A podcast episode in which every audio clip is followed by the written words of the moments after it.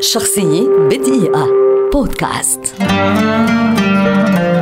أنيو موريكوني موسيقي إيطالي كبير ولد عام 1928 ويعد واحدا من أبرز الموسيقيين المعاصرين في العالم خاصة حين يتعلق الأمر بموسيقى الأفلام. أعطاه والده دروسه الأولى حول كيفية قراءة الموسيقى وعلمه استخدام أدوات مختلفة. كتب أولى مقطوعاته في السادسة ثم تعلم العزف على البوق ودرس التأليف على يد الملحن الشهير جوفريدو بيتراسي. وفي عام 1961 بدأ مسيرة تأليف الموسيقى التصويرية التي امتدت على مدى سبعة عقود وشملت تأليف بعض من أكثر المقطوعات التي لا تنسى في تاريخ السينما لأفلام هامة مثل Fistful of Dollars For a Few Dollars More Once Upon a Time in America Cinema Paradiso Lolita The Mission The Hateful Eight مالينيا وغيرها الكثير. لكن موسيقاها الأعظم والأشهر على الإطلاق هي تلك المقطوعة الخالدة التي ألفها لفيلم The Good The Bad and The Ugly والتي صارت واحدة من أشهر مقطوعات موسيقى الأفلام في التاريخ إن لم تكن الأشهر على الإطلاق.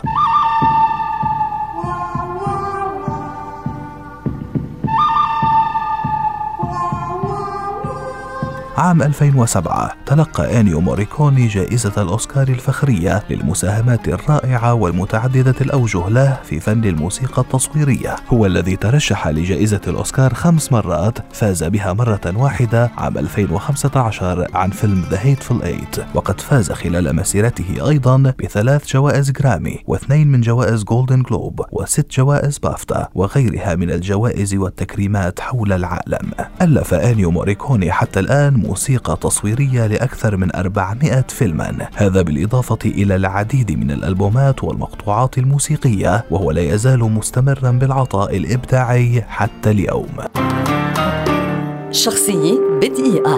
بودكاست.